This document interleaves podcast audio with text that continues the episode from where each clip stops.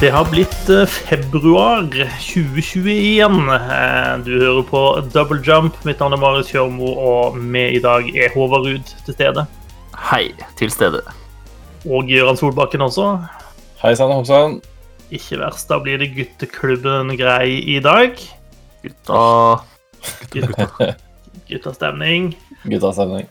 Eh, Vi skal prate om bl.a. Hitman 3 i dag. eh, Og vi skal innom eh, litt andre litt annet snacks fra spillbransjen også. Um, Men ja, det, jeg vet ikke hvordan det er hos dere, men her i Bergen så er det nå full lockdown igjen. Å, deilig. Mutanter herjer i gatene, og vi får ikke Mm. lov til å gå på puben lenger. Fallout-stemning. Fallout Bergen. Ja, altså Det eneste som føler skiller Bergen og Fallout-universet nå, er at Vinmonopolet fortsatt er åpent. New Bergen. Yes. Og det betaler fortsatt av kontanter, og ikke colakorker. Ja, altså hvis, hvis eh, sånne Pepsi Max-korker plutselig hadde blitt gangbar mynt, eh, så tror jeg hadde hatt en pen slant liggende et eller annet sted. ja. Ja, flott. Da, Da. Ja, da er det mange, mange nordmenn som hadde sittet godt i det, faktisk. Ja jeg Det er tror lurt å ha et sånn lite lager og sånn, i tilfelle. Vet jo aldri hva som skjer. Nei, det er sant. Det er sant. Eh, eller så kan vi bare betale med GameStop-aksjene våre, selvsagt. Eh, det kan jo også funke. Har du bare de- diamond hands? De burde ha solgt nå. Ja, sikkert. Eh, Jeg hadde jo faktisk tenkt jeg skulle slenge meg på, jeg. Eh, Så jeg oppretta en sånn eh, Nordnett-konto og eh, tenkte jeg skulle overføre 2000 kroner, fordi den fredagen jeg skulle begynne med det, så var aksjen eh, på uh, rundt 1700. Tenkte jeg skulle kjøpe én, da, bare sånn for the memes. Uh, Men det tar litt tid å overføre penger mellom banker. Så det tok kanskje en fem-seks timer eller noe sånt, da før pengene var liksom på Nordnett-kontoen min. Og, eh, og innen da så var aksjene på over 3000 kroner. Så det ble ikke noe aksjehandel for meg den dagen. oh, sad. Um, og, og nå så er jo det like greit, da. Ja. For nå Hva er var det den, i eh, hva var den pika på? eh, 400 og noe dollar. Ja. Så 4000 kroner, da. Og nå er den nede i 500 eller noe sånt. Det positive med det var at jeg endelig lærte meg hva shorting var, og hva det egentlig innebærer. Det har jeg egentlig aldri giddet å sette meg inn i før nå. Ja, jeg føler som jeg har tatt et helt fag på BI uh, uten å få studiepengene for det. Ikke sant. Ingen studiepenger og ingen uh, avkastning. Nei, det finnes jo 9000 forskjellige sånne kryptogreier du kan kjøpe, Håvard, så det, det går Ja. å tape pengene ennå, altså. Ja da, så Dogecoin er det nye å tape pengene på nå. Ja. Bare hoppe på Musk-toget og bare lokke ned og håpe på det beste. Ja, han hadde kjøpt seg bitcoins i dag, så jeg. Ja, og så innmari òg, da. Ja. Da gikk vel den opp i været, da. Ja, vi tror det. Jeg, jeg er en sånn der eh, teit fyr som går på jobben hver dag isteden. jeg. Jeg kjenner det er litt kjedelig, begynner å bli litt lei det. Ja. Ja, noen må holde disse hjula i gang, er det ikke det han sier? da? Skal vi ikke alle leve av uh, Dogecoins i fremtida, er det du sier? Ja, det håper jeg virkelig ikke. Nei, nei, det er vel uh, Tesla skal vel være første bilmarked der du kan betale med, med bitcoin for å kjøpe bil. Ja, det var jo en greie at det var en del steder som begynte å gjøre nettbutikkene sine tilgjengelige til å betale med bitcoins, men så har jeg inntrykk av at det er flere som har gått tilbake på det igjen i ettertid, og ikke syns det er så kult likevel. Det har vel begynt å komme ja, Jeg veit ikke hvordan det funker, da, men jeg vet det har begynt å komme sånne kredittkort der du har liksom bitcoin-balansen din, og så kan du bruke det, men hvordan det funker i praksis, det har jeg har ikke peil. Jeg har, lyst til å følge med på det der. Jeg har lyst til å si at når gamer.no hadde en sånn premiumtjeneste her for en del år siden, så kunne du betale den med bitcoin, blant annet. Ja, det kan godt hende. Mm. Det er synd man ikke hoppa på det toget der i 2011, for da hadde du sittet godt i det nå. Ja, det hadde vært veldig fint hvis noen, hvis neste gang man skal finne en sånn måte å tjene med masse lettjente grunker på, at noen sier ifra før det er for sent. Ja. Veldig hyggelig hvis dere gjør det neste gang. Ja, og gjerne med en gang, ikke sånn lenge etterpå. Ja. Ja. ja hvis liksom, du hoppa på sånn, det GameStop-toget eh, før jul, da det sånn Han eh, som oppdaga at det var, sånn, det var shorta flere aksjer enn det finnes og sånn eh, Da kan du ha tjent ganske mye, fra var aksjen sånn fire dollar eller noe sånt stykket. Ja. Eh, Ja. Så hvis du hadde kjøpt en håndfull til fire dollar og solgt til 400, så hadde du hatt noen lommepenger. Det er hundregangeren. Det er ganske lett regna. Det er ganske heftig. Det er pent. Da hadde du kanskje til og med fått råd til å kjøpe en ny Hitman 3 med deluxe-pakken eh, som ligger ute til salg nå. Kanskje. Eh, jeg syns for øvrig den deluxe-pakken er svindyr, eh, men, eh, men det er en annen sak. Hvis du kjøper Hitman 3, så prøver de å selge deg en deluxe-pakke til eh, 30 dollar utenom. Men den, jeg tror ikke den har så fryktelig mye innhold ennå heller, men den, den kanskje den skal fungere som en sånn season pass, bare jeg ikke helt har skjønt det. For jeg tror det kommer mer innhold til ut i februar, så vi får se. Men La oss prate litt om Agent 47s eh, seneste oppdrag. La oss. Yes. Eh, Jeg har spilt Hitman 3. Du har spilt Hitman 3, Gøran. Yes, sir.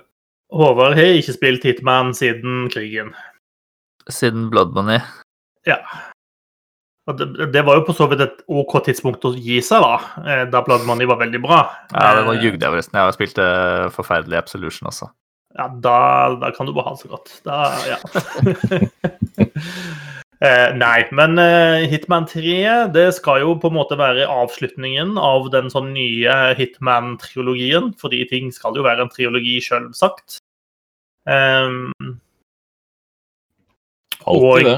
ja, og hvis du har hvis du har eid de foregående Hitman-spillene, så har du muligheten da til å få importert eh, de for, altså brettene fra de gamle spillene inn i Hitman 3, sånn at du liksom har alle eh, Du har basically Hitman 1, 2 og 3 i samme pakken og kan spille gjennom hele historien sømløst. Eh, der er sågar et system for å få med deg progresjonen din fra Hitman 2 over Hitman 3. Så hvis du brukte veldig mange timer på å få ulike challenges og sånt, eh, og løse de på de ulike brettene, så kan du da importere det med deg videre. Som er litt fint, siden du ikke kunne det fra eneren til toeren. Ja. Ja. Eller det er fint hvis du ikke Uh, Og dette er veldig sånn uh, luksusproblem, men uh, hvis du får spillet før det slippes, for da var den importfunksjonen nede. Ja. Eh, da måtte du velge, da, fordi de sier det ikke noe sånn som at hvis du velger å importere, så sletter den progresjonen du har. Ja, nettopp. Men, men. Det var ikke noe, det var ikke noe krise, det for meg, altså. Jeg er ikke så, det var ikke så farlig. Nei, det er- skal ikke være veldig lei seg for at man fikk spill før release date, tenker jeg. Nei. Nei da. Ja, hva syns Men du? Jeg syns Hitman er gøy. Eh, Jeg, har likt, jeg likte Hitman eh, når det kom, jeg likte Hitman 2 når det kom, og jeg liker også Hitman 3. Eh, Det er jo en historie som avsluttes, eh, men den er vel ikke akkurat så viktig i det hele. Er den, er den det? Eh, Jeg, jeg syns Hitman-historien er veldig perifær til det jeg gjør i Hitman-spillene. Ja, det er eh, Altså, på, på en måte så kan jeg skjønne at du, at du må ha en historie der, men samtidig så tror jeg liksom Hadde de bare kutta historien og sagt at dette er, dette er første brett, dette er neste brett, dette er siste brett, så hadde det vært helt greit. Det hadde vært Ja, det hadde vært like gøy, for det, det er jo som du sier, altså det du eh, Det du egentlig driver med, da, på de, de brettene, har veldig Det har ikke så mye å si sånn egentlig for handlingen. Jo, det har jo det, men eh, det, den lekeplassen hadde vært like morsom, selv om du ikke liksom visste at å, det er den personen som gjorde det, så derfor skal jeg drepe den. Um, ja, den, den veldig, jo... veldig, veldig tynn rød tråd gjennom brettene du spiller. Ja, veldig en veldig en, og den er uh, Det er vel den ene tingen som Altså ene, det er kanskje altså, noen småting her og der, men den ene store dårlige tingen med, med, Hitman, altså den trilogien her i hvert fall, er i historien. For den er uh, den er i beste fall tam, og i verste fall så er den rett og slett dårlig. Men den får ikke så mye fokus heller. Altså, det er ikke så mye, det er ikke, den pusher Det er liksom ikke mye fokus underveis, og de små videosekvensene som er og sånn, de er liksom helt OK, og så er du videre på neste, og så gjør du det som egentlig er gøy allikevel. Så det, det tar ikke så veldig fokus bort fra alt det som er bra med Hitman, men det er jo, det er jo ræl, egentlig. Altså, og det er jo ikke det at historien er så dårlig, den er bare fryktelig uinteressant. Ja. Eh, altså Det er som en utrolig bland eh, James Bond-historie, eller insert hvilken som helst hemmelig agent-ting her, liksom. Ja. Eh, med et sånn gjeng med sånn skyggefolk som egentlig sitter og trekker trådene på alt som skjer i verden, og som du driver og skal nøste opp i, og så er det et eller annet med fortida til Agent 47 som er tulla inni der. Ja, og så er det når du tror du har tatt de som styrer, så er det selvfølgelig en som sitter bak de, som styrer litt mer enn alle andre. Ja da, og det er alltid ja, ja. noen som backstabber backstabberen osv. Altså, ja, det Ja. Nei, historien er kjip, den er det. Men plassene den tar deg med på, er jo da eh, eh desto bedre, på en måte. For jeg syns Jeg syns de har tatt nivådesignet enda et steg lenger nå i den siste trilogien. Eh, jeg syns noen av Altså, de de beste brettene i Hitman 3 er de beste brettene de har laget, syns jeg. Ja, De er i hvert fall helt uh, oppi der. Jeg, jeg er enig ja. i det. det, det. Noen av de er kjempebra design på. Um, det, det, er så intrikat. Og så har de også etter hvert blitt ganske flinke til å Fordi at dette er treeren da, av de nye spillene, så har de eh, sånne små hint og vink tilbake til liksom, de foregående brettene du har spilt. Mm. Eh, som, som, er en sånn subtil måte å sy ting sammen på, og som også er en sånn hint og vink til de som har spilt hele serien, som er ganske artig. Du kan sitte og høre på to vakter som sitter og prater, og han ene snakker om Eh, kompisen hans, som også er vakt, men han jobbet i Paris, eh, der du var i det første spillet liksom, og gjorde et oppdrag. og de, de, Der gikk det jo ikke så bra. liksom, og ja, Det er liksom sånne hint og vink hele tida, som er ganske artig. Mm. Mm. Um, jeg vet ikke hva du vil trekke frem. altså Dartmoor er vel kanskje et brett å trekke frem uh, fra Hitman 3 som, uh, ja. som ganske kult, uh, kult lag til. Ja, det syns jeg. Jeg syns altså det første brettet er Det første brettet er bra, men det er også kanskje veldig Det er veldig sånn klassisk Hitman-brett, egentlig. Ikke noe, ikke noe sånn Ikke noe nytt, ikke noe sånn. Det passer veldig fint inn. Det er Dubai. Eh, Dubai, ja. Mm. Og så kommer du til Dartmoor, som eh, Det er bare en, en kjempestor sånn eh, britisk sånn derre eh, herregård. Eh, men det de gjør med liksom hvordan altså, for Jeg regner med du liksom sikter litt i den der detektivhistorien som man blandes inn i og sånn. Det syns jeg mm. Jeg syns det er, var en veldig, veldig morsom twist, eller en morsom vri på det å spille Hitman, da. For da Da slutta du på en måte å gå rundt og snike deg og ta på deg forskjellige ting. Da på en måte du må jo ta han derre eh, han som er leid inn som privatdetektiv til dette huset, fordi det har jo skjedd eh, har skjedd et, eh, et, mord eller et selvmord eller hva som helst, det vet man jo egentlig ikke. Og så har denne familien da leid inn en eh, privatdetektiv som skal finne ut av dette. Helt, helt klassisk sånn Agatha Christie-type eh, mordmysterie.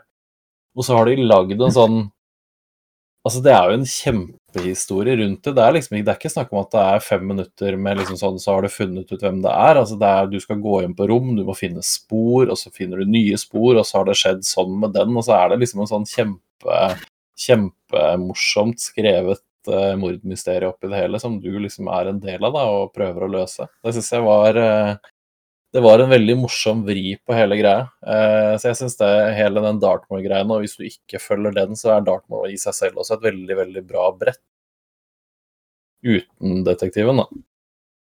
Absolutt. Jeg leste en Det skal komme en escalation nå i, i februar, tror jeg, til det brettet også, hvor eh, målet ditt er å ta ut alle familiemedlemmene, men alle mordene skal se ut som uhell. Eh, som også høres uh, stygg artig ut. Um, ja.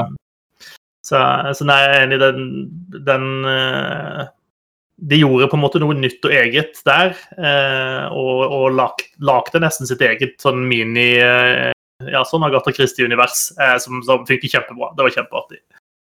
Ja. Hemmelige ganger, og du kan gå og intervjue folk og høre på de ulike motivene de har. og ja, ja, den var, eh, den var ordentlig fiffig og morsomt, altså. Det var mm. Eh, jeg fikk veldig sånn der nice out-vibber fra den, hvis noen har sett den filmen. Så var det veldig Det er tydelig at de har henta inspirasjon fra flere kilder der. Så det var mm. Eh, nei, Dartmoor syns jeg var veldig, veldig gøy. Og så eh, Og så syns jeg jo den, det brettet i Kina også syns jeg er eh, suverent bra. Men det er vel litt med det, det, kjennes ut som det største brettet de har laget, tror jeg. Og så var det veldig sånn Veldig sånn eh, Jeg veit ikke. Eh, jeg sleit med å finne fram der i starten. Og det var liksom mye opp og ned og inn og att og fram. Mm. Men det også syns jeg var veldig, veldig bra. Ja, jeg er enig. Det, var, det, tok, det tar liksom litt tid å sette deg inn i det brettet. og mm. skjønne hvordan det henger sammen. og eh, det, det, er veldig todelt på et vis. Eh, ja. Men, men eh, ja, igjen veldig artig. Eh, altså synes jeg også siste brettet i spillet er eh, noe veldig annerledes, da. Eh, altså det er, det er, rett og slett et togbrett. Mm. Der du må komme deg fra siste vogna til første vogna. Du har veldig begrensa med ressurser, og dette gir i hvert fall meg sånn knallharde vibbe til eh, ja, til Golden Eye, egentlig. Det togbrettet som du hadde der. Eh, det er litt sånn kjempe deg med nebb og klør frem til, eh, til slutten av toget. Det var også ganske, ganske artig. Og kanskje Kanskje det brettet som i størst grad egentlig prøve å utfordre deg til å gå guns blazing gjennom brettet, da. Ja. Eh, jeg kan på, eh, på en måte så kan jeg forstå, for det er jo folk som ikke, ikke liksom liker at de har gjort det sånn. Fordi det, er, det blir jo et litt sånn utypisk Hitman-brett, fordi det er jo som du sier, altså det blir jo eh, Det er et brett som legger opp til at du skal begynne å skyte, da. Og det er jo, ikke, det er jo ingen andre brett i Hitman som gjør det, egentlig. Mm. Men jeg syns allikevel de får det til å funke da, i det spillet her. Yep. Jeg syns de gjør det. Jeg syns det, det, eh, det, har en effekt, og det er liksom Nei, jeg syns de, de, gjennomfører det bra. Absolutt. Så det, ja, det Jeg, jeg syns det er vanskelig å sette Hitman 1, 2 og 3 opp mot hverandre, for nå er de liksom så integrert i hverandre, og det er Det er så like spill, da. Det er jo egentlig det samme spillet, mer eller mindre. Mm. Eh, litt litt forbedra grafikk og sånn, selvfølgelig har det blitt utover, men eh, hvis man liksom skal prøve, så syns jeg vel Hitman 3 kanskje isolert sett er det beste spillet i det, men eh, Altså alle tre spillene er bra. Og det er veldig fint at du får den importmuligheten, at du får muligheten til å spille gjennom Alta i, liksom, i Hitman 3. Det er, eh, det er en pakke med veldig, veldig mye gøy.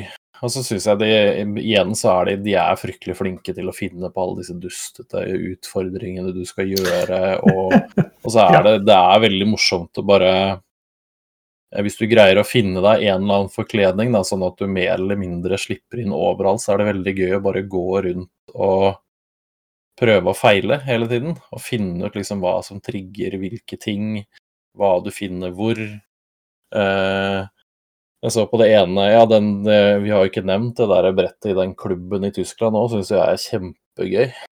Mm. Eh, og der så jeg ene, ene utfordringen, den har ikke jeg greid ennå, men der skal du eh, der har du jo masse forskjellige folk du skal ta livet av, men der skal du ta livet av alle sammen med en snikskytterrifle, tror jeg. Mens de stikker derfra. OK. Ja. Jeg tror det var en sånn utfordring, og den, den greier ikke jeg å se hvordan jeg skal få til enda. Uh, det er liksom jeg klarte å grille to folk eh, med pyroteknikk mens jeg DJ-a på dansegulvet. Det var ganske stilig. Ja, ikke sant. Ja. Jeg greide å mose en under en sånn svær stein, eh, blant annet.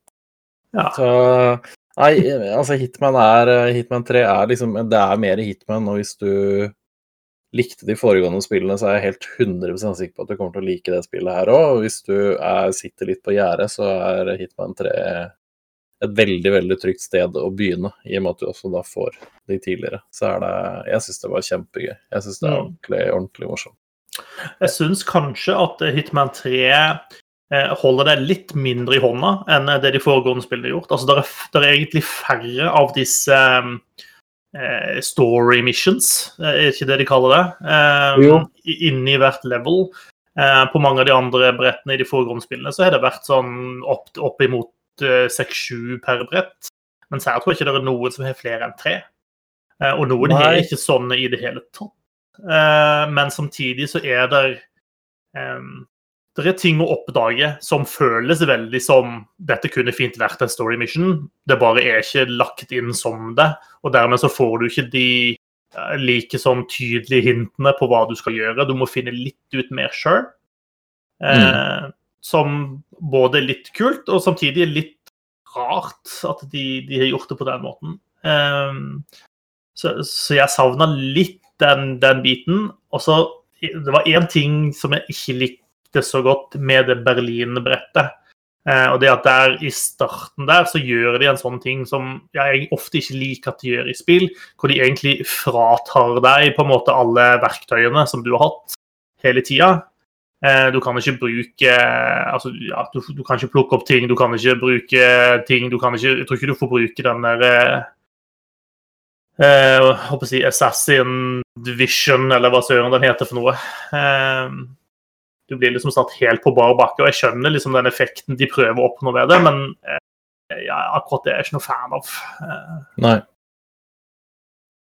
Eh, Men, de, men, men de, de, de skal likevel ha kred for at de prøver å gjøre litt nye ting. Eh, Det er fortsatt mer Hitman, men de har jo også prøvd å legge opp rettene til at de skal føles ut som de gir det en ny opplevelse, da, og at det skal være fresht og ikke bare rehash av eh, gamle konsepter. Eh, Og det klarer de til en viss grad, i hvert fall. Ja, det syns jeg det gjør. De greier å De greier å liksom eh, gi noen ting, og den Dartmoor-greia er liksom et veldig godt eksempel på det, og kanskje den som vri, altså, skiller seg mest ut i mengden, men eh, jeg syns på en måte de har mestra De har mestra nivådesignet og kreativiteten og mengden med ting i det spillet her er vel kanskje større enn de andre, så det er, eh, det er så mye å liksom oppdage og å finne ut av og greie å få til. Eh, så det er liksom Men det er jo et spill som er lagd for å spilles igjen. altså Det er ikke sånn at du går inn og så skyter du tre personer, og så går du ut og så har du det gøy. Det er liksom ikke poenget med Hitman, da. Eh, det er liksom alle de eh, alle de der variantene der du får liksom ene utfordringen er å, å knocke ut en, eh, en drug dealer med en eh, sånn murstein med kokain, liksom. Altså vi er, vi er på det nivået at det er liksom sånn man skal gjøre, og det er det som gjør at det blir så gøy. Men ja. Nei, det er Det er mer Hitman og veldig bra Hitman. Jeg syns ikke de har mista noen ting på veien. Jeg syns ikke noen av brettene er dårlig i det hele tatt. Jeg syns ikke det kjennes ut som det er liksom en rehash av noe tidligere, så det All ære til de, men jeg syns det er bra også at det er nå er det Hitman 3. Nå er de ferdig med den greia. Nå må de på en måte Nå må de finne på noe annet, da. Det syns jeg også er- da. De skal Ja. lage James Bond. Ja, altså James Bond Etter å ha sett hva de har greid å liksom gjøre her, da, så, så, gleder jeg meg veldig til de skal lage James Bond. Det gjør jeg faktisk. Ikke at jeg vil at det skal bare bli Hitman i James Bond-skin, men de har, de har vist at de greier å liksom mestre, mestre mer ting da, i Hitman 3. Mm. Det blir spennende å se hva, hva James Bond blir. Vi vet jo ingenting om det ennå, annet enn at det er James Bond, og det de som skal lage det. Ja.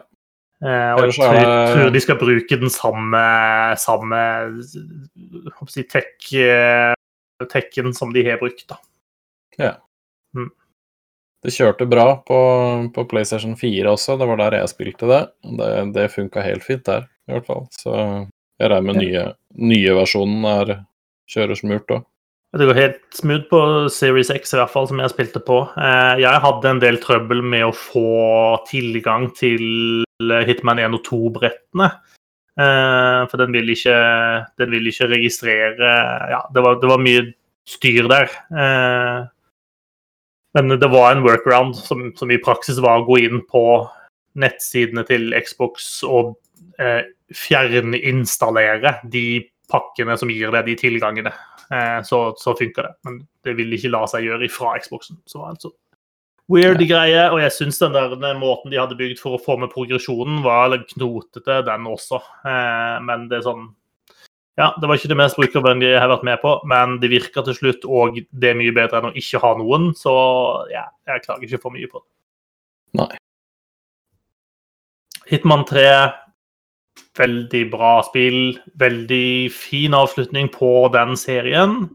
Eh, samtidig så er jeg litt enig med deg også at nå eh, Nå må de kanskje gjøre noe annet.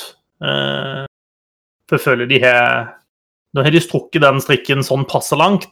Eh, så tror jeg det blir tynt hvis, eh, hvis de skulle fortsette å bare liksom, lage Hitman 4, 5 og 6 på, på samme oppskrifter. da. Ja, de, de, må, de må snu om på det nå på en eller annen måte. Altså At det kommer mer innhold og escalations og sånne elusive targets og alt mulig sånn til Hitman 3, det, det funker helt fint. Det er bare gøy, men eh, ja. De må, de må snu seg litt nå, for nå har det liksom Nå, nå Jeg syns de har nådd et metningspunkt da, med den oppskriften der, på den måten. Ja, enig. Mm. Eh, så varm Hitman 3-anbefaling fra Double Jump, eh, altså. Definitivt. Yes. Eh, Håvard, du har ikke spilt Hitman, men har du spilt noe annet i det siste? Ja, eh, Gjøran har jo omsider funnet det i seg å sende meg eh, Hyrule Warriors, Age of Calimity. Eh, det kom jo egentlig ut før eh, jul en gang, slutten av eh, november, tror jeg. Eh, så det har vel vært noen forsinkelser i eh, postgangen der. Ja, det har vært noe helvetes forsinkelse jævla posten, ass. De er, eh, de er så treige. Men jeg har i hvert fall hatt det hos meg en stund nå. Um, og det er jo Det er det andre Hyrule Warriors-spillet som uh, er uh, denne Dynasty Warriors-serien i forkledning.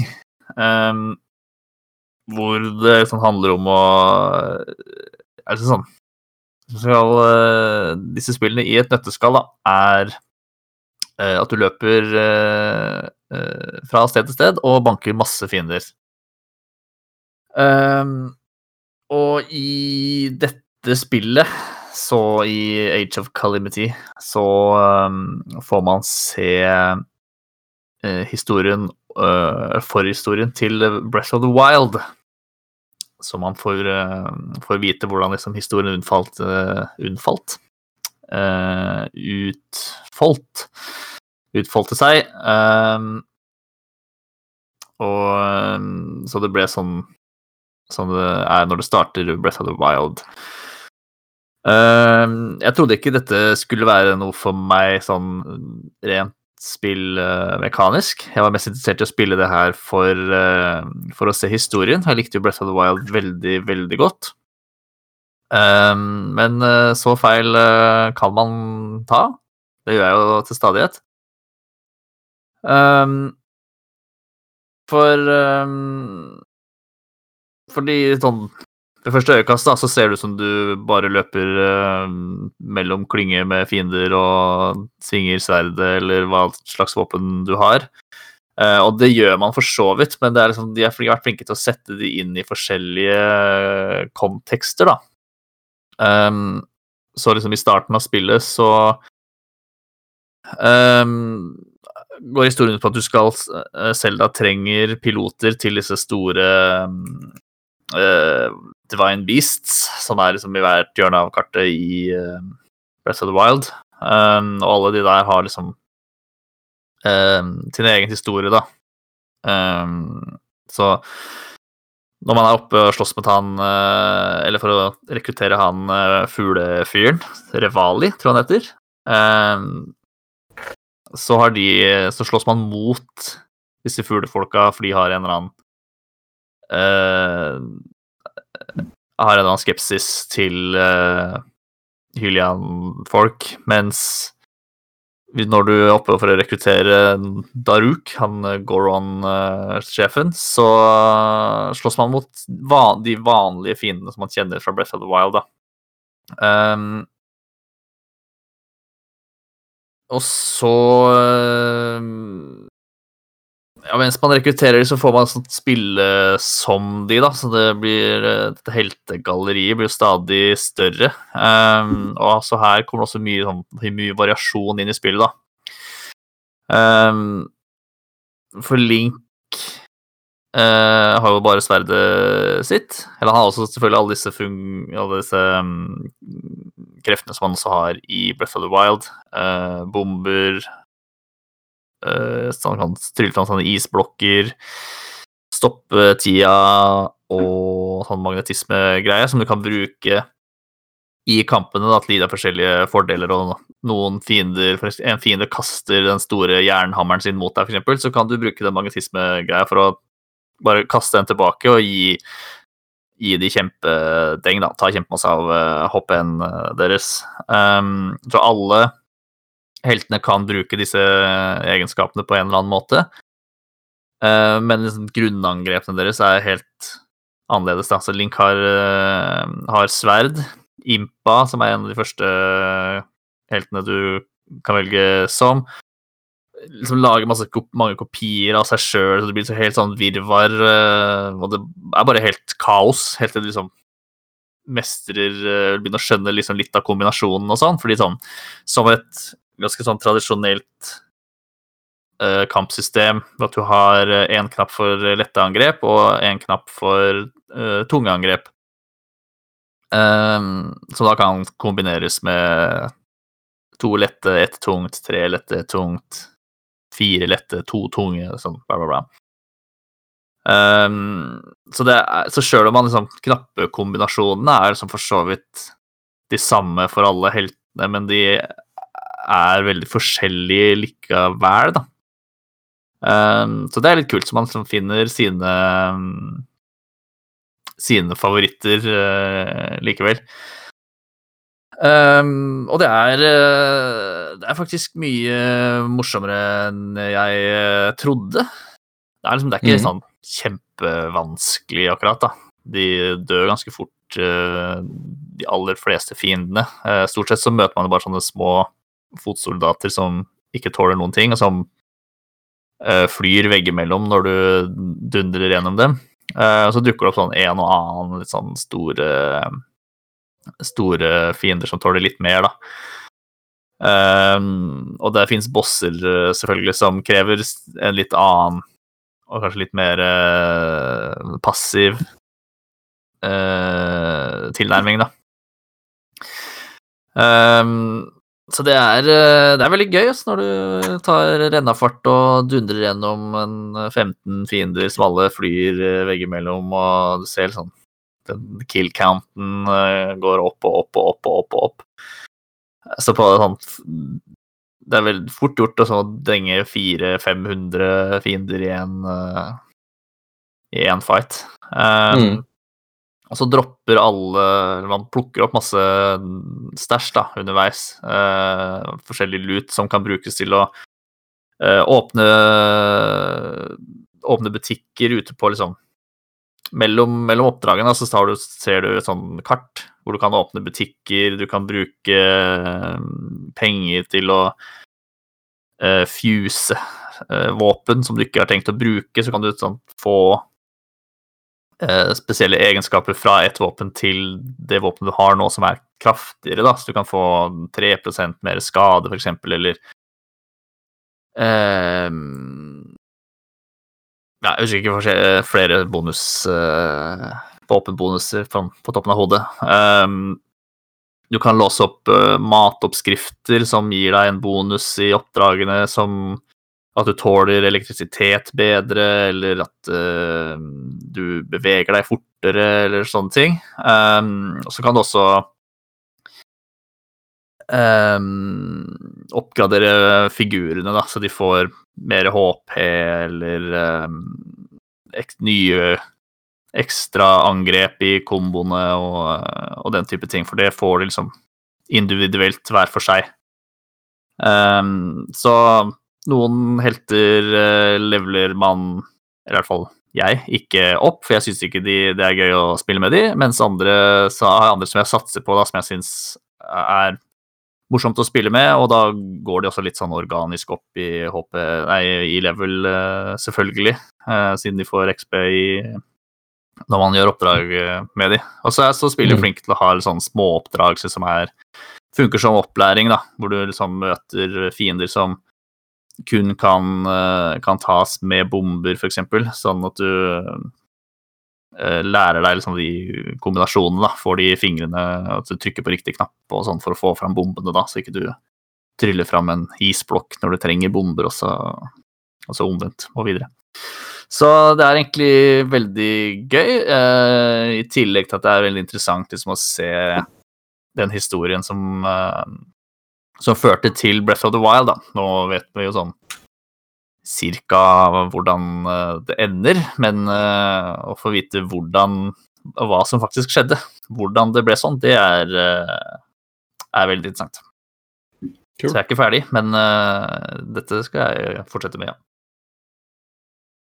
Cool. Er du, er du overraska over at du liker det? Er litt. Um, for jeg trodde liksom ikke jeg skulle like sånn Det ser jo ut som det bare er button mashing, ikke sant? Det,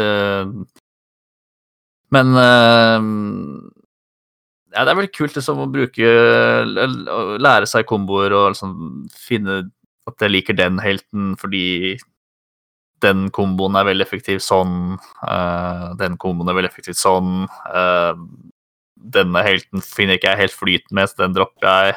Um, og det er kanskje det som er litt av nøkkelordet her, da. Det er flyt. Eh, og når du liksom eh, Du banker Du svinger sverdet på noen fiender til høyre, og så kaster du noen bomber på fiender til venstre, og så skyter du noen piler eh, rett fram. Så tar du løpefart og hopper på skjoldet og sklir bortover gjennom noen nye og sånn. Uh, så er det, så er det, veldig, det er veldig gøy. Det er vel en flyt som uh, Jeg tror sånn det sånn du liker i spill, uh, Gjøran, når combaten uh, flyter. mm. Ja, ja. For det er vel egentlig en kines, kinesisk oppskrift, egentlig, tror jeg. Dynasty Warriors, er ikke det en kinesisk uh, konsept? Jo, det stemmer kanskje, det.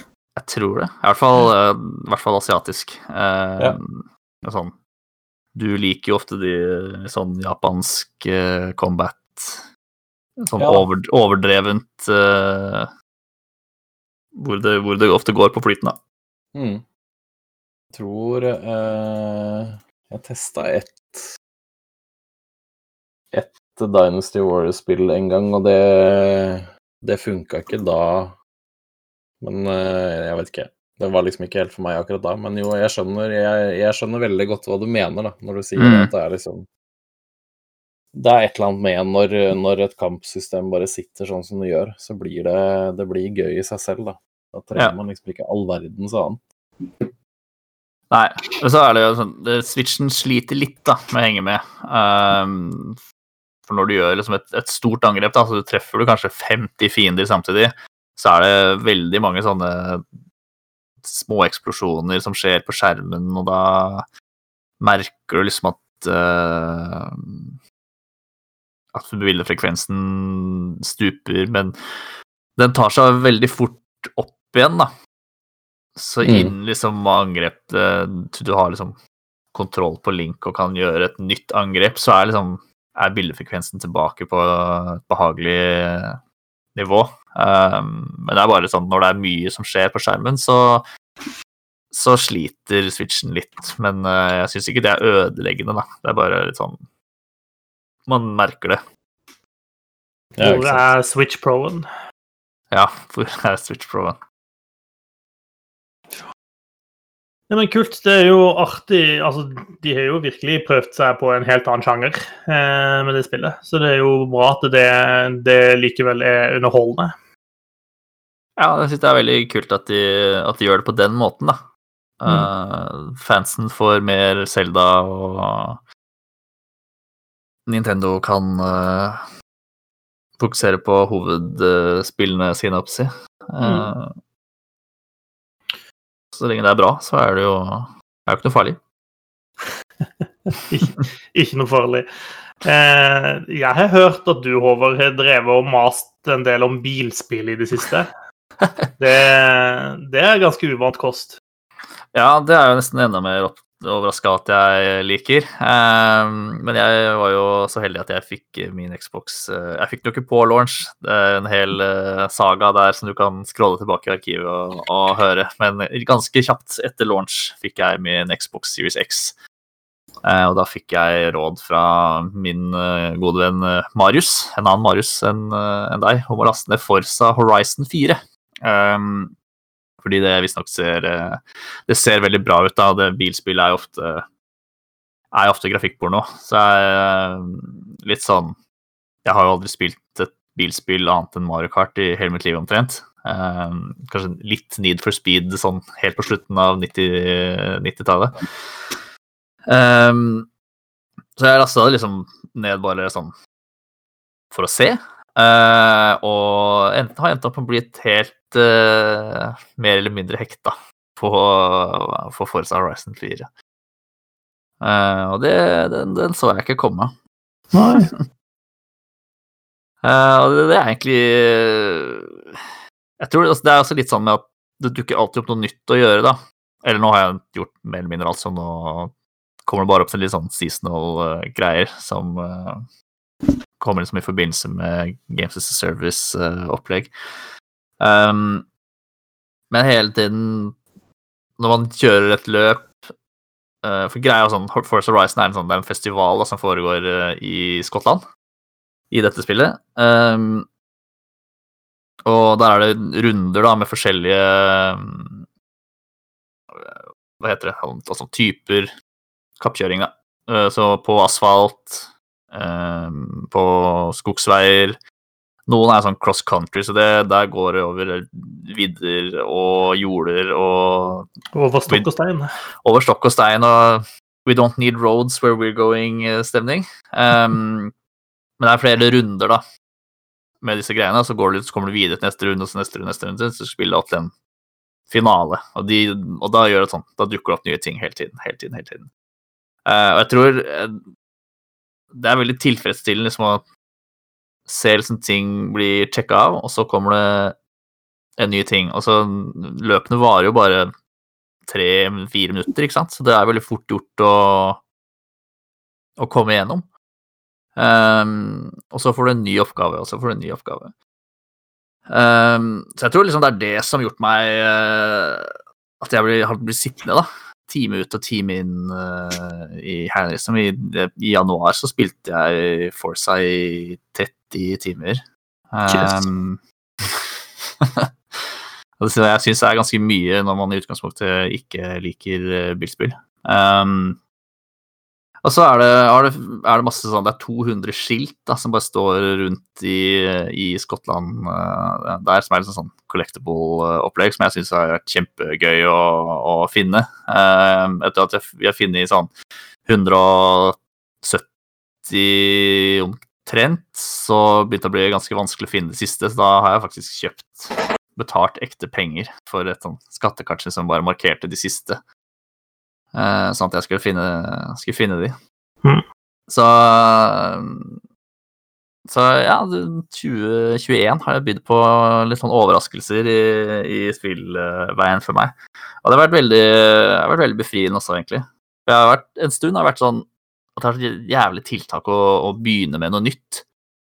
Uh, så liksom bare Man havner som det sporet som man spiller bare Overwatch eller World of Warcraft eller Mario Maker eller de comfort games man har. Um, så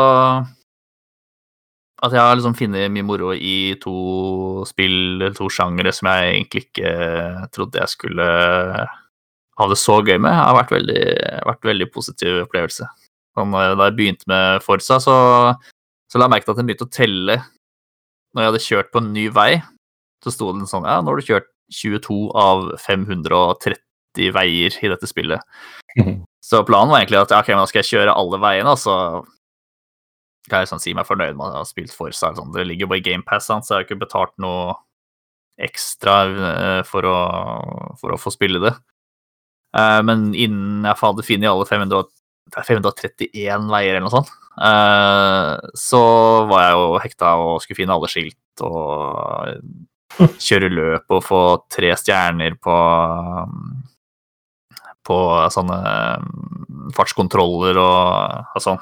Så det er veldig gøy da med å se liksom at man har kjørt uh, forbi en fartskontroll uh, 100 km i timen fortere enn det Gjøran har gjort, f.eks. på samme fartskontroll. ass. er For, spillet er sånn uh, det er jo masse biler på, på veiene, um, og disse bilene er liksom markert med uh, navna til de på vennelista mi, da, hvis man ikke spiller online, for det, det har jeg ikke giddet. Så da setter jeg bare sånn uh, CPU-biler med, med navnet på Xbox-vennene mine. Så jeg har kjørt noen runder med deg også, Marius. du har det, ja? Ja da. Right. Jeg håper, jeg, sånn, håper jeg vinner. De har jo sånt system der de altså de kaller det sånn, Hva er det drive-tar de kaller det? Så ja. de som da liksom har spilt mye for seg, så skal det disse Når du ser meg, f.eks., så skal jo den AI-en liksom basere seg litt på hvordan jeg har kjørt mine løp og sånn òg. Så det skal liksom være ganske god variasjon i, i de vennene du møter, da. Ja, stilig. Mm. Så jeg har vel kun testa Forsa litt for å teste hvordan den der eh, streaming-versjonen til Microsoft fungerte. Så jeg har mm. spilt eh, på en relativt ustabil mobiltelefonlink. Eh, så min drivetar er sannsynligvis han som ligger liksom på huet ute i grøfta et eller annet sted. ja, det er liksom hvis du kjører hvis du kjører veldig aggressivt, og krasjer mye andre sånn, så skal visstnok denne drivetaren liksom lære seg det og, mm. og kjøre litt på samme måten. Da. Jeg har ikke satt meg inn i hvor, hvor intrikat det systemet er, men uh, det er, riktig som du sier, det er, det er, så mye, det er så mye gøy og, å det er så mye gøy i å bare kjøre rundt og utforske. De har liksom greid å gjøre det morsomt i et bilspill. Mm. Det er ikke bare at det ser pent ut, men det er liksom Men de er jo veldig gode til å konstant gi deg en eller annen form for premiering. Bare du liksom rygger rundt og kødder på en parkeringsplass, så får du jo en eller annen poengsum eller en eller annen pop-up at du har gjort Nå har du gjort et eller annet greier igjen. Bra jobba. Ja. Så det er jo hele tiden sånn belønningssystem, og det syns jeg de, de, de, har gjort det veldig, veldig gøy. Altså i de Horizon-spillene spesielt, i både fireren og treeren. Så Nei, det er, det er kjempe, og så er det veldig gode bilspill. Altså kjørefølelsen har jo hadde det vært dritt å kjøre bil, så hadde du ikke spilt det så mye uansett. Mm. Nei, altså jeg syns det er veldig gøy sånn uh, Jeg merker så tydelig forskjell på bilene, da. Ja. Jeg husker uh, da vi, vi, låste opp en uh, en eller annen kjempebra Lamborghini, og vi tuna den opp så den har kjempebra stats, og den bilen sitter som limt til veien. Uh, mens andre biler som da er mer baktunge, I guess, de sklir jo ut med rumpa, du sånn snurrer av veien bare det er eh, litt av krenging. Um, og sånn hvordan den Lamborghinien da er plutselig helt sjanseløs med en gang du, det er litt grus på veien. Da er det bare å bytte eller uh, komme seg tilbake på asfalten. Uh. Mm. Så det er kjempegøy. Og liksom fått noen favorittbiler, da, som vi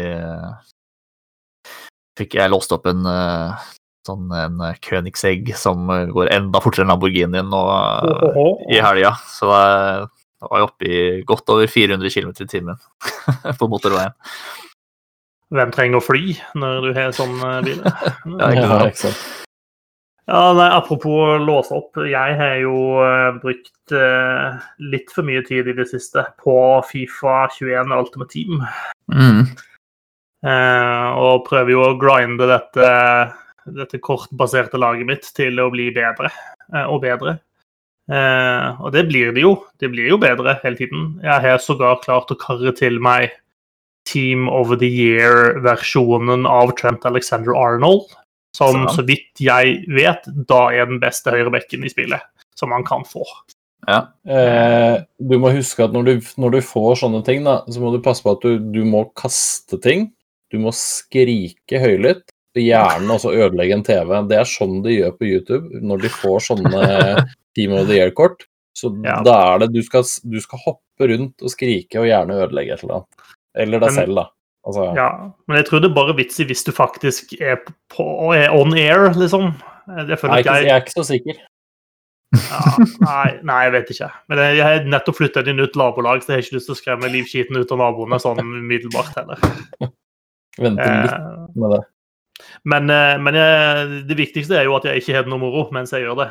Eh, og det, det har jeg jo stort sett ikke. Det er jo ikke så gøy å spille Fifa, egentlig. Eh, så det er litt sånn eh, Jeg spiller det litt på tross, på tross av meg sjøl, egentlig. For det er sånn, Jeg har lyst til å bygge dette laget at det skal bli bedre og bedre, men jeg har det ikke egentlig veldig gøy når jeg spiller kampene. Så hva jeg driver på med, så er det nå. Spiller manager mode i stedet? Ja, men det går ikke alltid på teamen din. Nei da. Nei. Da får man jo ikke noe bedre lag. Så nei. Eh, så det er en kjedelig ting vi ikke trenger å prate om. Eh, apropos, Gøran, du er bedt om å få litt tid til å prate om noe du eh, holder på med også. Nå syns jeg du var slem. syns du? Ja, Mer vanlig? Ja, jeg syns det var Nei, nei da. Nei da. Det var vel uh, par for the course, akkurat det der, som de sier på godt norsk. Uh, jo, jeg, jeg, jeg, kan jo snu om på hele greia, så kan jeg først nevne, for jeg har glemt å skrive opp et spill, og jeg har spilt et norsk spill som heter Bonkis. Ja. Ja, det har jeg eh, spilt og anmeldt for eh, gamer, så du kan lese en anmeldelse der. Nå husker jeg ikke hva det eh, Skal vi se, jeg skal bare finne ut hva de heter, de som har lagd det. Studio Gauntlet heter de. de er, det er tre stykker i Trondheim som har lagd Bonkis Og det er et sånt couch coop-spill.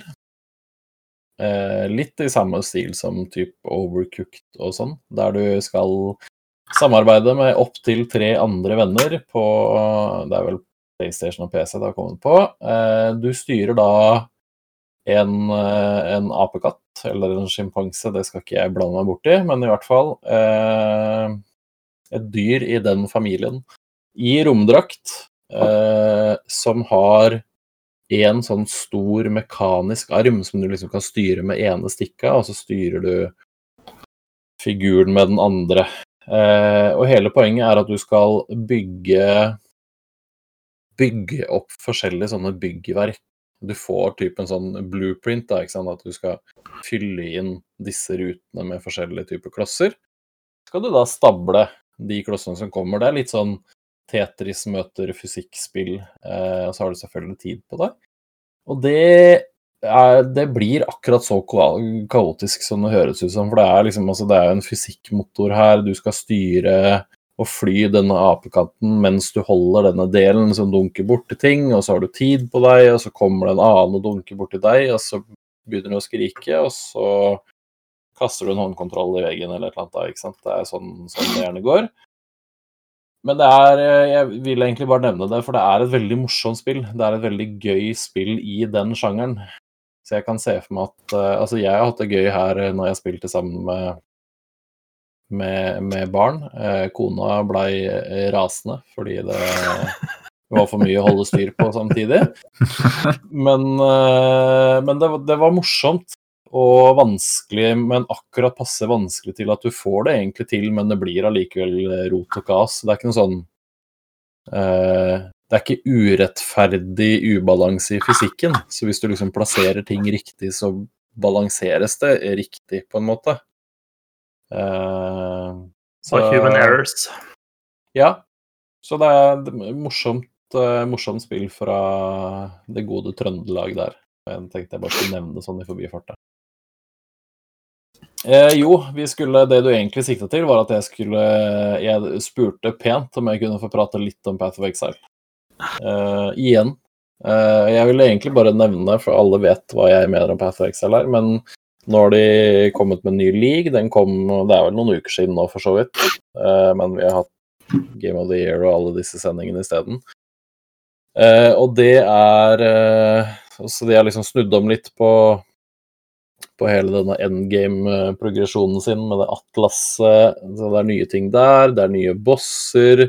Eh, du samler sammen forskjellige sånne bosskamper til en liksom større bossfight med alle disse samtidig. Eh, og de har gjort veldig, veldig mye bra med denne ligaen. Jeg tror det her er den beste jeg har spilt på ganske lenge nå, faktisk, eh, i Path of Exile. Så det er ingen bedre tid å starte på enn akkurat nå. Så det er bare å sjekke det ut for de som liker det. Det er fortsatt helt gratis å spille Path of Exile.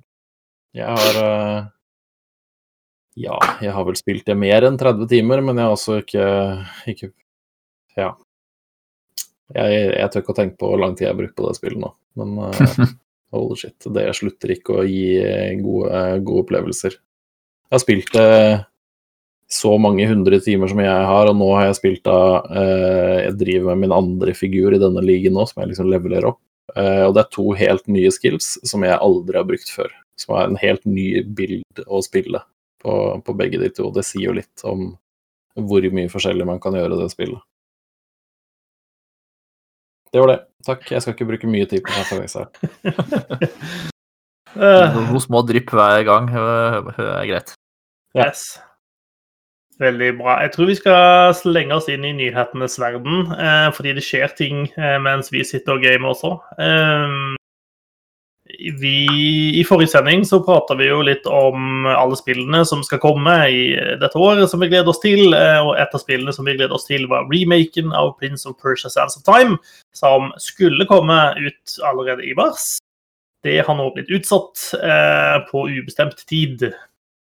Eh, eller det vil si, det er ikke sikkert til ubestemt tid, men de har i hvert fall valgt å ikke si når de tenker at det skal komme. Ja, kjipert det.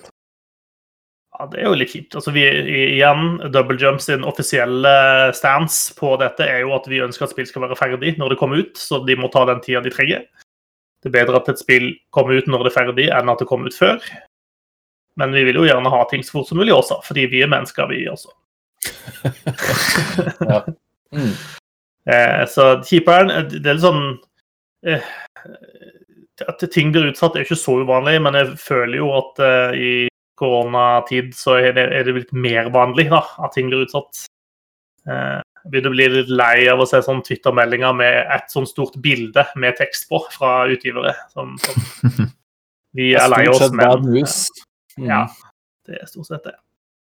Så du må vente litt lenger. Du har venta siden 2003 eh, på en remake av Prince of Persia Sands of Time. Du må rett og slett vente litt til. Eh, de, grunnen, som de sier, at de rett og slett de trengte litt mer tid til å gjøre spillet eh, perfect. Ja. Nei, de sa vel ikke Fair perfect. Enough. De sa vel gjøre det så bra som det kan bli. Ja, noe sånt. Eh, så sånn er de. Eh, så et annet spill som skal komme, er Mass Effect Legendary Edition. Det har fått release date å komme i mai. Eh, men allerede nå så driver de og kjører ganske beinhardt på reklamekampanjer for det. Og de har åpna forhåndssalg for denne samlepakken med de tre originale Mass Effect-spillene. Eh, som er fiksa opp og remade, og det er kommet liksom ganske mange detaljer. Det er flere outlets som har fått gjort ganske sånn dybde intervjuer med de som har jobbet med dette her, for å finne ut av hva som er nytt og annerledes. Så man har fått sett ganske mye sånn. Eh, noe av det som kanskje har skapt mest eh, furore på internettet, er at eh man har valgt å kutte noen sånne, ja, skal vi kalle det, litt uh, tvilsomme kameravinkler uh, som spillet hadde. Uh, eh, spesielt noen som hadde kanskje et litt sånn pågående rumpefokus på enkelte karakterer i spillet innimellom. Eh, det er helt forferdelig. Ja, ikke sant? Altså For de som har spilt spillet, da, så skjønner dere hva jeg prater om. Det er spesielt noen scener i, i, Mass Effect, det er vel Mass Effect 2, har jeg lyst til å si, eh, der Miranda kommer inn, og er, altså, det fokuseres pussig mye på rumpa hennes i noen sånne eh, dialogscener som eh... Ja. Altså, han kameramannen i Mass Effect 2, han var jævlig lav. ja, ja, tydeligvis. Ja. Eh, men altså, det her er jo Jeg har sendt uh, trusselbrev med Molotov med veldig lang lunte, som jeg har tima, sånn at det liksom uh, går av på riktig tid. For dette går jo ikke. Man kan jo ikke fjerne rumper fra et spill. Det er gud forby at man skal modernisere seg lite grann.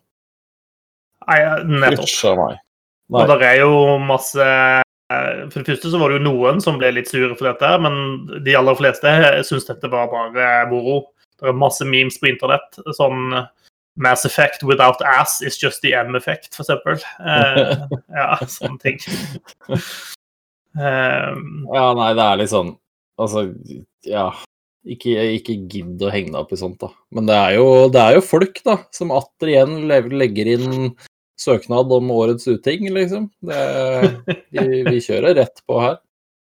Ja da. Eh, men eh, jeg tror folk overlever det. og det er litt sånn Jeg syns det er helt fair når man går tilbake og remaker noe, og man ser det er noen detaljer som kanskje ikke har tålt tidens tann like godt, at man, man, kan gjøre endringer. Det er helt fint. Det syns jeg er helt fint at du gjør. Det er liksom Ja.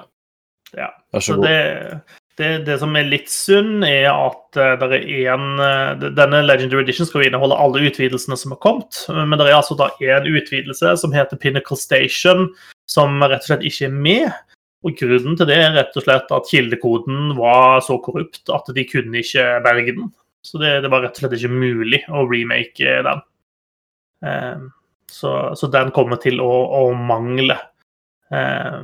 Så vet yes. man ikke helt hvordan de gjør det, for det er noen sånne små sånn story-hint og sånne ting inni der. Så om, om, de på en måte lager til en eller annen workaround på det, sånn at det gir mening, det, det får vi se på. Eh, de kommer heller ikke til å ha med de flerspillerdelene eh, som, som spillet hadde. Eh, det ville kreve altfor mye. Altså, hvis jeg skjønte, så ville det kreve Det å få til flerspillerbiten ville kreve like mye som alt det andre til sammen. Eh, og det, det, var det rett og slett ikke rom for i dette. Og for å være helt ærlig, hvem i alle dager brydde seg om flerspillere i Mass Effect uansett? Eh, det eneste som problemet som det kan by på, er at i Mass Effect 3 så opererer de med en slags sånn poengskala som heter noe sånt som eh, ja, hva heter Galaxy Readiness-nivå, liksom. Eh, og det kunne du påvirke gjennom å spille flerspilleroppdrag, sånn at du fikk opp det readiness-nivået. Eh, så der har de måttet gå Det kan du jo nå ikke gjøre lenger. Eh, så for å liksom få, få, det nivået helt opp, så har de måttet gjøre noen endringer. Sånn at hvis du gjør eh, Den teller på en måte med en del oppdrag du har gjort i eneren og toeren da, når du kommer dit. Ja, sånn er T-skjorta det funker. Jeg gleder meg masse, som du sikkert skjønner, til Mass Effect Legend Edition kommer i mai. Eh, så eh, Selv uten rumpa til Miranda, liksom? Altså, den er jo der. Eh, den er jo der. Eh, ja, og hvis det blir for gæren, så er det bare å sette på et par sesonger med Chuck. Der er Yvonne Strahovski både mer og mindre påkledd underveis. Ja da. Og så kommer det sikkert noen fine rumpemods etter hvert eh, også til Legendary Edition, så vi skal, nok, vi skal nok klare oss, eh, vi som tørster etter sånt også, skal du se. Eventuelt finnes det masse nettsider der ute, eh, hvis du er interessert i å se på rumper. hmm. ikke, ikke sponset eller uh, noen ting av oss uh, her. Uh, finner, finner man de på Google? Er det Ja. ja ikke, ikke prøv. Begynn å google litt rundt. hvis du er under 18, så må du ha med en foresatt. Det, det er notert. Eh, noe annet du må google lenge etter, er Overwatch 2 og Diablo 4. Ja. Det kommer ikke til å komme ut i 2021, sier Activision Blizzard. Det nyttårsforsettet ditt hadde jo ryket og reist en god marsj hvis Overwatch 2 hadde kommet i år, Håvard, så det er jo enda godt det ble neste år. Sier noe. Du sier noe. Mm. Ja, det var vel en sånn uh, investor-samtale hvor uh, Activision uh, og Blizzard sa at vi har ingen planer om å slippe verken Overwatch 2 eller Diablo 4 i 2021. Ehm, det er jo veldig trist. mye spekulasjoner ikke på at Overwatch 2 skulle komme Nå er det jo BlizzCon Line. Det er jo neste helg, tror jeg. Så mange hadde liksom spekulert i at de skulle slippe en beta til Overwatch 2 i den forbindelse, og så at liksom at det skulle komme ut da i tide til uh, neste sesong av Overwatch League. Men uh, sånn blir det altså ikke. Nape. Så der er det bare å smøre seg med mer tålmodighet. Ja. Ja. Eh, en annen da, sånn, ja, vi kan ta en lang diskusjon, da. Men uh, de har jo kutta ut all uh, innholdsproduksjon til uh, Overwatch 1, fordi alt, alle ressurser og alt fokus er retta mot Overwatch 2.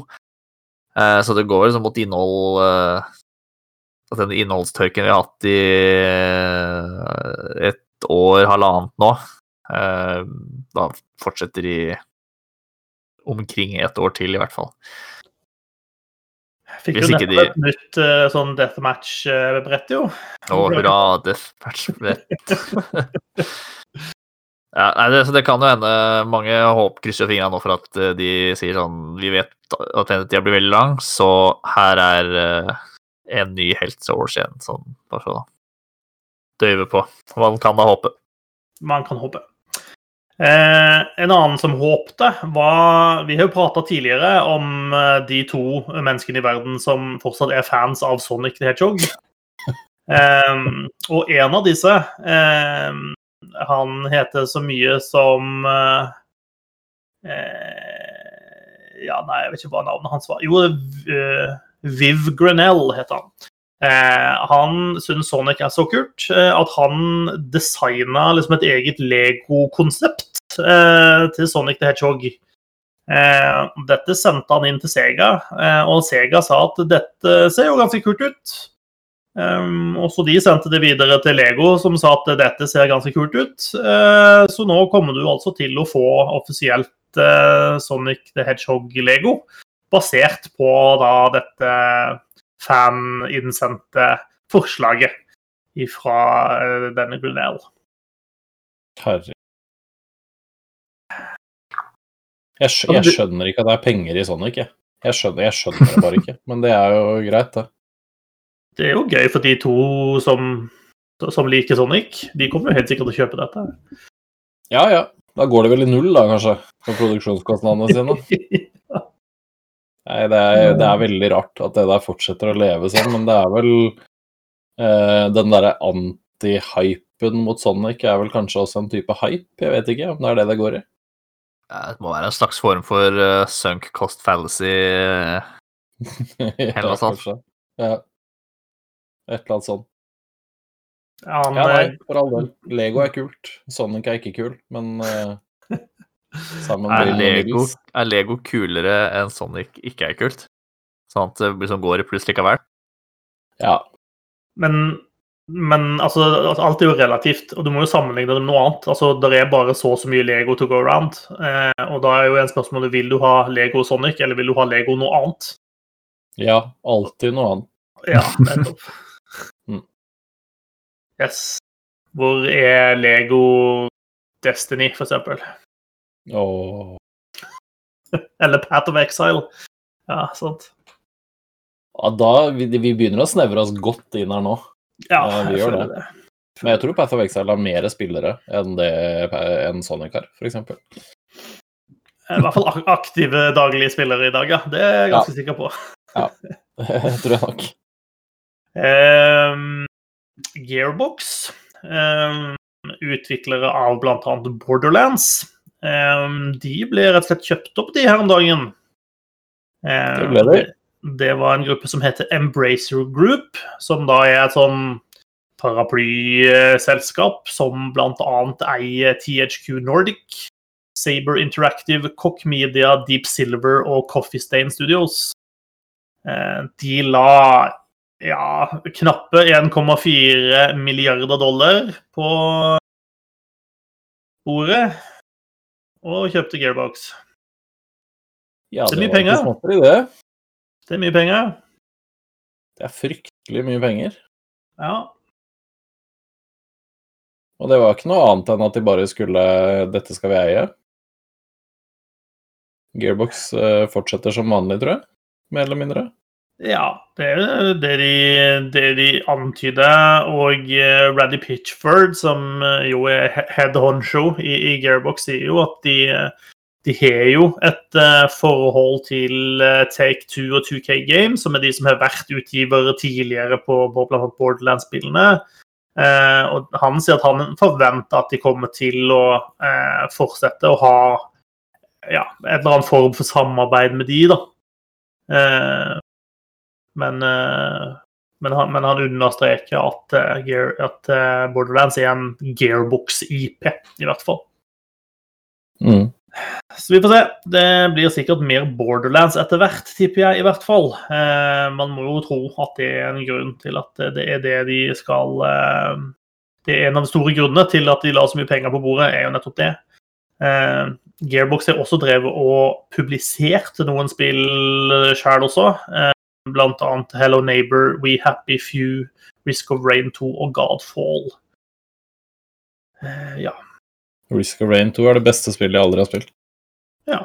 Visstnok. Det er jo greit å vite. Jeg har ikke spilt det, jeg heller, men jeg vet om det er det beste spillet. Jeg har ikke spilt. Nei da. Det for mye skryt. Uh, Forza Horizon 4 kommer til Steam 9. mars. Skal du kjøpe det på nytt igjen, Håvard? Ja, det frister jo det. Gjøre alt på nytt, eller alt en gang til. Yes. ja, vi får se. Kan hende det klarer seg med å spilt gjennom og gjort så godt som alt en gang på, på Xbox. Det er bedre Eh, å kjøpe Horizon 3 og gjøre alt der. når, Ja, det er vel, er vel ikke på Steam. når kommer crossoveren Forza Horizon Zero Dawn? Det lurer jeg på. Oh, Mm. Horizon med dinosaurer og sånn. Oi, oi, Ja. Sånn Transformers-greie. Bilene blir til dinosaurene og tilbake. Den ideen er jo ikke gratis, bare så det er eh, Det kan, kan, kan være. Sagt høyt her, så er det trademarka. Er ikke det sånn regelen er? jo. Det er riktig. Eh, Jeg holder på å tegne ned på en serviett, så jeg skal sende til det Lego umiddelbart. Eh, Ja. Eh, Helt på tampen, eh, det er også blitt annonsert en ny utvidelse til Stellaris. Eh, Den, hvis jeg ikke husker helt feil, så heter den Nemesis. eh, Og den skal ta sikte på å gjøre ting eh, gjøre, ja, gjøre litt endringer på endgamet da, i spillet. eh, I tillegg til at den skal legge til bl.a. litt sånn spionasje og litt forskjellige ting. De har vært litt vage med alle detaljene nå, men så vidt jeg skjønner, så handler det om endgame-biten ganske mye, i hvert fall. Eh, For de som ikke er så kjent med Stellaris, så er på en måte Stellaris en litt sånn satt slutt. Men den slutten kan være ulik. Den er ikke lik hver gang, men, men det, det kommer en sånn en eh, eh, universell krise da, på slutten uansett. Eh, og i, i denne Nemesis så kan eh, du få en litt tydeligere rolle i dette. Jeg tror til og med det er en måte som kan gjøre til at det er du som blir krisen til slutt. Eh, til og med. Eh, mer detaljer kommer etter hvert. Vi har ikke fått noen releasedato, men det høres kult ut, så det skal jeg i hvert fall følge med på. Eh, og så, gutta, er det på tide at vi gjenoppliver bokklubben vår igjen. Nå er alle spesialepisodene unnagjort. Ferien Ja. er klar. Det er vel sånn hør og bør, det. Ja. Så da sparker vi rett og slett i gang med det nyutgitte The Medium, tenkte vi at vi skulle spille. Det er jo litt guffent, tror jeg. det ja. Ja, jeg blei litt overraska over at du foreslo det, og så blei jeg litt overraska over at Håvard sa ja. Og jeg visste ikke at jeg hadde noe jeg skulle sagt. Eh, nei, du hadde ikke det. Nei, jeg kom liksom bare inn her, og så sa dere Du, Håvard, vi har bestemt at vi skal eh, spille The Medium i neste utgave av, eh, av Bokklubben. Du hadde valget om å sette deg på bakbeina og begynne å grine. Eh, det gjorde du ikke. Så da Nei eh, Ja, det hadde jeg nok ikke gjort uansett. Så det morsomme, morsomme nå er å se hvem av oss som greier å spille lengst, egentlig. Før Ja. vi må gi oss. Yes. Hvem tør Ja. å, å tør å holde ut? Eh, Jeg men er, det, tøff, jeg er tøff i trynet, jeg, altså. Men eh, når det kommer til sitt, så blir jeg, jeg blir skikkelig redd, ja, faktisk. Av sånne spill. Det, det, det, det er jo et spill som jeg tror er teknisk litt kult også, da. Eh, For så vidt jeg har skjønt, så er det på en måte et, eh, et spill der eh, spillets handling foregår på en måte i to ulike verdener på samme tid. Og den driver litt sånn sømløst og veksler mellom de to verdenene. Og det skal visst være, være noe som man ikke kunne gjøre på de gamle konsollene, men det er nå mulig med The Power of Series X osv.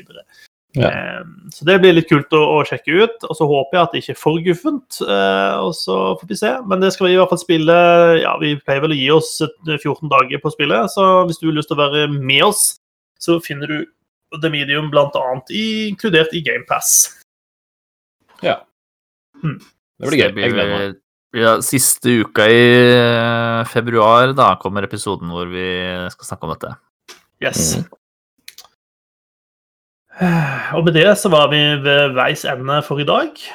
Jeg syns det det ble litt å ta tak i denne uka også. Ja. Det var deilig å være i gang med vanlige episoder igjen. Eh, Ja, ingenting er jo så gøy som hverdag. Det er helt sant. Nei da. Det, det er godt å komme i gang igjen. Jeg føler når vi kom til 8. februar, da er det litt sånn på tide, føler jeg, at vi, vi starter motoren igjen og durer mot, eh, mot sommeren. Ja. Takk for at du hørte på oss. Eh, fra meg sjøl, Håvard og Gøran, eh, så sier vi at det var hyggelig å ha deg med oss. Send oss gjerne ris og ros på sosiale medier. Eh, fortell en venn og din mamma at double jump er kult. Eh, og plutselig så er vi tilbake igjen om en ukes tid. Eh, inntil da, eh, ha det fint og stay safe. Ha det fint. Ha det bra.